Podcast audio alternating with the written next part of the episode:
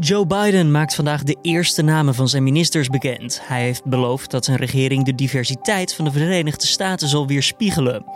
Verder twee 20-jarige Amsterdammers die staan vandaag terecht voor het dodelijke steekincident bij de Scheveningse Pier afgelopen zomer. En dan gisteren. Toen was het een bizarre avond voor Forum voor Democratie. Intern werd gesproken over de antisemitische en fascistische uitspraken bij hun jongerenclub. De grote verrassing van de avond was dat Thierry Baudet besloot om zich terug te trekken als lijsttrekker van de partij. Maar of het ook het einde is van zijn politieke carrière, is nog maar de vraag. Dit wordt het nieuws. Ik, dus de komende tijd zullen we goed in de gaten moeten blijven houden. Uh, A. Uh, wie wordt de volgende lijsttrekker van FVD? En B, hoe serieus is Thierry Baudet met zijn, uh, met zijn uitspraak dat hij zich terugtrekt, dat hij de politieke verantwoordelijkheid neemt? Of kiest hij toch voor een, ja, voor een geitenpaadje? Wat er allemaal gisteravond gebeurde en wat daar de gevolgen van zijn, dat hoor je zo meteen van politiek verslaggever Avinash Biki. Maar eerst kort het belangrijkste nieuws van nu. Mijn naam is Julian Dom en het is vandaag dinsdag 24 november. De machtsoverdracht in de VS kan officieel van start.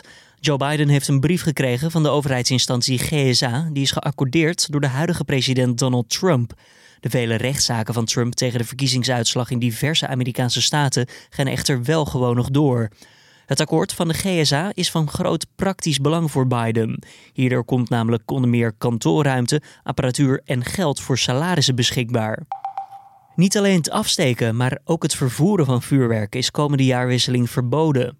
Dat betekent dat mensen ook geen vuurwerk bij zich mogen dragen op straat, omdat lopen een vorm van vervoeren is, al dus minister Vert Grapperhaus. Wie toch vuurwerk bij zich heeft, kan een boete krijgen van 100 euro. Dat is dezelfde bekeuring die staat op het afsteken van vuurwerk rond oud en nieuw. Het verbod gaat uiterlijk 15 december in. De Rotterdamse danseres, zangeres, actrice en comedienne Corrie van Gorp is zondag 22 november op 78-jarige leeftijd in haar slaap overleden. Van Gorp werd begin jaren 70 landelijk bekend toen ze samen met Willem Nijholt optrad in de theatershows van Wim Sonneveld. Later speelde ze ook in televisie- en theatershows van André van Duin. Ook had ze een aantal grote solo-hits, waaronder Me Sousaphone en Zo slang zijn als je dochter. Zo dun zijn als de rietjes, zo mager als de plank. Dat is wat ik zou willen. Dat was even een stukje van Zo slank zijn als je dochter van de Rotterdamse Corrie van Gorp. Ze is dus 78 jaar geworden. Het verbruik van aardgas in Nederland is in de laatste nauwelijks afgenomen, ondanks inspanningen om meer aardgasvrije woningen te bouwen. Om aan de binnenlandse vraag te voldoen, heeft Nederland de afgelopen twee jaar voor het eerst in decennia meer gas geïmporteerd dan uitgevoerd. Dat meldt het Centraal Bureau voor de Statistiek. De winning van aardgas ligt nu op ongeveer 60% van het niveau in 2013 en wordt de komende jaren nog verder gereduceerd. Voor de schatkist betekende dit dat de aardgasbaten zijn afgenomen van 15,4 miljard euro in 2013 naar 1,1 miljard euro vorig jaar. China heeft in de nacht van maandag op dinsdag een verkenner gelanceerd die op de maan stenen moet verzamelen. Na de landing op de maan zal het apparaat twee weken lang graven naar gesteente. Half december moet de verkenner vervolgens terugkeren op aarde met 2 kilo aan maanmateriaal. De Europese ruimtevaartorganisatie, de ESA, ondersteunt China bij de missie. In beide gevallen uh, wil ik politieke verantwoordelijkheid nemen. Ik zie af van mijn plek op de kieslijst. Ik stel mijn positie ter beschikking. Uiteraard zal ik in de Kamer blijven, ik ben gekozen. Ik zal betrokken blijven bij Forum voor Democratie. Ik zal de partij blijven steunen. Zo maakte Thierry Baudet gisteravond bekend dat hij zich terugtrekt als lijsttrekker van Forum voor Democratie. Met de Tweede Kamerverkiezingen in aantocht heeft de partij dus een nogal belangrijke vacature openstaan. En daarnaast liet de partij weten dat zij hun jongere afdeling op afstand houden. In ieder geval tot een onderzoek naar antisemitische en homofobe uitingen van leden op sociale media is afgerond. Over deze zaak sprak collega Carné van der Brink met politiek verslaggever Avinash Biki. Was hij verrast toen hij de boodschap van Baudet zag? Nou, ik denk dat iedereen wel op een reactie zat te wachten van Thierry Baudet, maar dat ze deze boodschap niet hadden zien aankomen. Uh, het was ook wel heel even zoeken naar wat hij precies bedoelde. De video duurde vier minuten, waarin hij uh, nou, een beetje fulmineerde tegenover de media. Is een beetje een bekende, een bekende route van populisten, uh, dat het de schuld is van de media. Hij verwees ook naar die kritieken die hij heeft gekregen van partijleden, prominenten. En hoe hij daarnaar gekeken heeft. En eigenlijk komt het erop neer dat als het, als het op deze manier gaat zoals het is gegaan in het afgelopen weekend, dan hoeft het van hem niet meer. Dus trekt hij zich terug als lijsttrekker. Maar, uh, zei hij er ook bij, hij blijft wel aan als partijvoorzitter. En hij houdt toch wel een, uh, een geitenpaadje open. Uh, namelijk dat hij via uh, of dat hij beschikbaar is als, als lijstduwer. Ja, daar gaan we het straks over hebben. Maar eerst even deze abrupte beslissing wordt gelinkt aan de jongerenclub van de partij en de zeer controversiële berichten die ze deelden met elkaar. Waar ging dat precies om? Ja, dat gaat, dat gaat over de jongere tak van uh, Forum voor Democratie. Nou, je moet weten dat eigenlijk alle politieke partijen een jongere beweging hebben. Van FVD, uh, dat heet de JFVD. Dat is een, het is een beweging die vaker in het nieuws is gekomen. Vaker in opspraak is geraakt ook. Voor, voor deze zomer bijvoorbeeld. toen kwam naar buiten dat er in, in verschillende WhatsApp-groepen gelinkt aan de JFVD. Dat daar antisemitische, homofobe en extreemrechtse teksten werden, werden rondgedeeld. Op een gegeven moment is het toen zo geweest dat daar, het leek alsof daar tegen werd opgetreden. Er waren leden gerooieerd en een aantal leden geschorst. Maar het blijkt dat er niet zoveel veranderd is. afgelopen weekend bracht het parool naar buiten dat deze extreemrechtse uh, deze homofobe en antisemitische uh, teksten, berichten nog steeds uh, gretig gedeeld werden in de groep. En daarbovenop kwam ook nog eens dat de, de, de mensen binnen de JFVD die voor de zomer aan de bel hadden getrokken en hadden gezegd: hier gaat iets goed mis, dat, die, ja, dat die de partij uit zijn gezet en dat de mensen die deze teksten verspreiden, een aantal van ze althans, eh, dat die uh, carrière maakte binnen de partij. Uh, en uh, daarvan hebben op een gegeven moment een aantal partijprominente senatoren, Europarlementariërs, maar ook lokale ehm, bestuurders van de FVD gezegd: zo, gaan we, zo gaan we niet verder. Maar wilden ze dan verandering zien in de jongerenafdeling of de manier waarop er werd gekeken naar die, die, die berichten? Ja, wat precies voor, voor, um, voor deze criticasters precies de reden is geweest uh, is mij nog niet helemaal duidelijk. Natuurlijk, de, de zaken die, die, uh, in die in die appgroepen naar buiten uh, zijn gekomen zijn gruwelijk. En nou, er wordt bijvoorbeeld gesteld dat er een Joods internationaal pedonetwerk is. en, de, en dat vrouwen massaal de pornografie in worden geholpen via die netwerken. en ander die prijst de economische formule van het nationaal socialisme aan. Ja, dat zijn echt echt schokkende teksten. Ja, tegelijkertijd uh, is het niet nieuw hè, dat uh, Forum voor Democratie in, in verband wordt gebracht met extreemrechtse ideeën, uh, racistische ideeën en, en ook wel uh, vrouwenvriendelijke ideeën. Als we even teruggaan in de tijd, dan is het niet de eerste keer hè, dat bijvoorbeeld niet de JFD, maar partijleider Thierry Baudet in opspraak is geraakt. Hij uh, verkondigde onwaarheden over Marokkanen uh, die uh, lastig zouden zijn gevallen in een trein, terwijl het ging om een NS-controle. Hij sprak ook over homeopathische verdunning van, van Europa of van, van Nederland. En hij sprak erover dat hij vond dat Europa dominant blank moest blijven. En om als nou ja, klap op de vuurpijl is misschien een beetje ongepast. Maar hij sprak ook over uh, de extreemrechtse racistische omvolkingstheorie in de Tweede Kamer, notabene. Ja, dus wat dat betreft uh, heeft de partij uh, wel een track record als het gaat om dit soort dubieuze uitspraken. ja, des te opvallend was het natuurlijk dat, dat dit kennelijk voor een aantal, aantal leden de druppel was om te zeggen, zo gaat het niet verder. En de partijprominenten keerden zich eh, ook tegen de voorzitter van de jongerenvereniging, Freek Jansen, rechterhand van Thierry Baudet en tevens nummer 7 van de kandidatenlijst. Hij werd hier verantwoordelijk voor geacht. Ja, dat, dat was wel eigenlijk uh, het belangrijkste, uh, althans twee, een van de twee belangrijkste eisen die deze... deze groep had uh, aan, aan Baudet. Uh, zorg ervoor dat de JFD ja, gesaneerd wordt, zoals zij dat noemen. Dat betekent gewoon dat die wordt opgedoekt en opnieuw wordt opgebouwd. en daar hoort dan Freek Jansen, inderdaad wat jij al zei, de rechterhand van Thierry Baudet, beleidsmedewerker in de Tweede Kamer.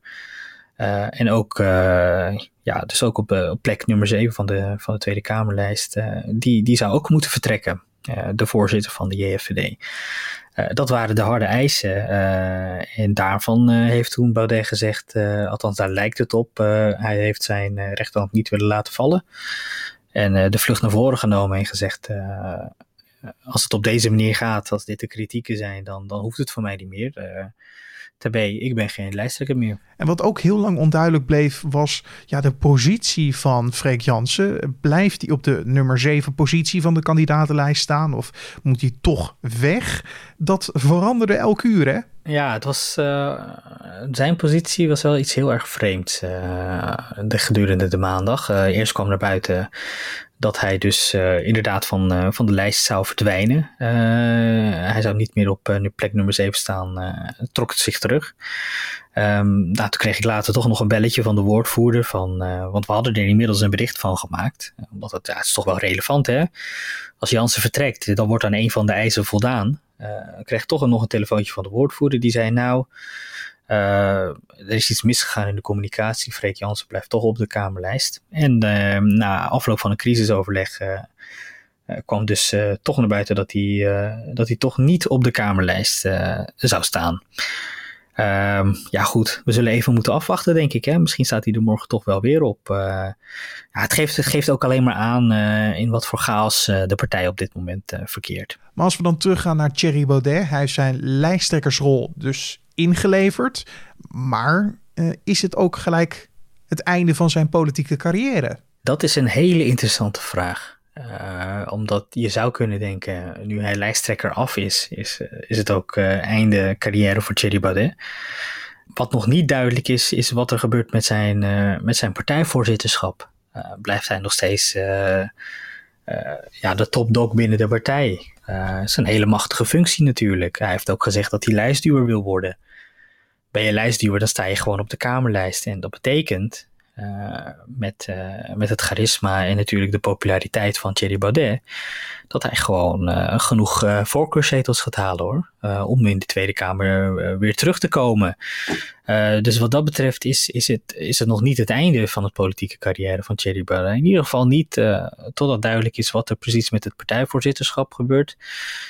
En uh, wat zijn plek uh, definitief op de, op de Kamerlijst uh, zal worden. Zijn schaduw zal in ieder geval nog wel zichtbaar zijn de komende tijd. Ja, ik, dus de komende tijd zullen we goed in de gaten moeten blijven houden. A, wie wordt de volgende lijsttrekker van FVD?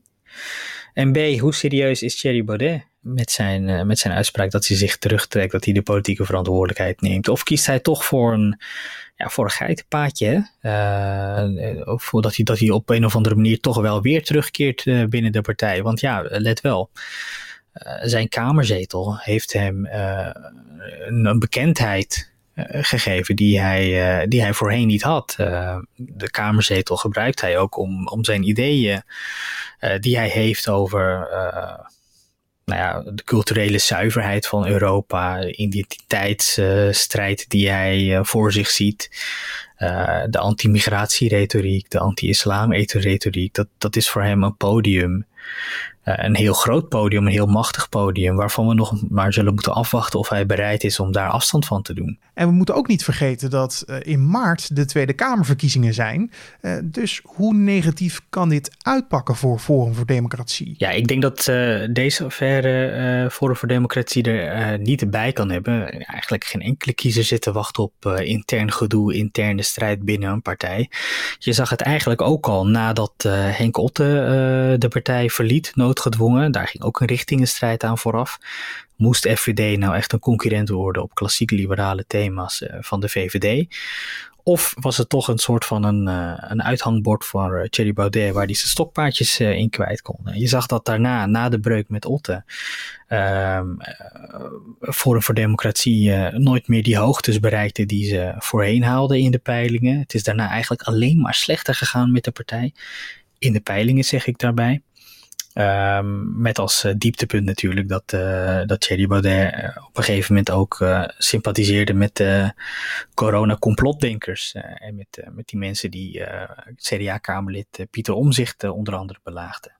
Ehm, dat, heeft, dat heeft de partij ook weinig goed gedaan. En nou ja, ik, ik betwijfel of, of, of dit, deze nieuwe episode, hoe het zich ook zal uitpakken. Of nou Baudet toch nog stiekem partijleider blijft of lijsttrekker wordt of niet ja, dit is toch wel weer gedoe wat ze er absoluut niet bij kunnen hebben. Dat was politiek verslaggever Avinash Biki in gesprek met collega Carne van den Brink. Dan verder de nieuwsagenda voor deze dinsdag. De aankomende president Joe Biden die maakt vandaag de eerste namen van zijn ministers namelijk bekend. Hij heeft beloofd dat zijn regering de diversiteit van de VS zal weerspiegelen. Een paar kandidaten zijn inmiddels al uitgelekt. Zo lijkt het erop dat uh, hij graag oud-presidentskandidaat John Kerry als klimaatminister wil. En waarschijnlijk mag de Cubaanse vluchteling Alejandro Mayorkas het ministerie van Binnenlandse Veiligheid leiden. Twee 20-jarige Amsterdammers die staan vandaag terecht voor dodelijke steekincident bij de Scheveningse Pier afgelopen zomer. Daarbij kwam een 19-jarige Rotterdammer om het leven, vermoedelijk na een ruzie tussen rivaliserende drillrappers. En trainer Ronald Koeman die neemt het vanavond met FC Barcelona in de Champions League op tegen Dynamo Kiev. De Spaanse ploeg presteert in eigen land vooralsnog teleurstellend, maar in Europa zijn de resultaten wel goed te noemen. Barcelona heeft namelijk na drie wedstrijden de maximale score van 9 punten en kan zich met een zege in Oekraïne al plaatsen voor de knock-outfase. Drie weken geleden won de ploeg van Koeman in Camp Nou met 2-1 van Dynamo Kiev. Voor het weerbericht gaan we eventjes naar Raymond Klaassen van Weerplaza. Raymond, wat kun je ons vandaag vertellen over het weer? De dag die begint op veel plaatsen bewolkt en grijs en lokaal is het zelfs mistig. In de loop van de dag gaat het vanuit het zuiden geleidelijk aan wat opklaren en komt de zon tevoorschijn. In het noorden is de kans groot dat het heel de dag bewolkt blijft. De temperatuur ligt zo tussen de 8 en de 10 graden en er waait een matige wind uit zuidelijke richtingen. Dankjewel Raymond Klaassen.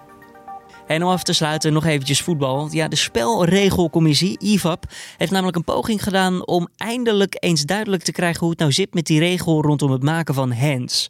En let op, wat zij zeggen, niet elke bal op een hand of arm betekent een strafschop. Gemaakt dus binnen de 16 meter van doel. De eindbeslissing ligt altijd bij de scheidsrechter. De commissie merkt dat er wat onduidelijkheid is wat betreft die regel. Ja, de. En uh, ja, dan gaat het vooral over spelers die hun arm dus verdedigend niet langs hun lichaam hebben.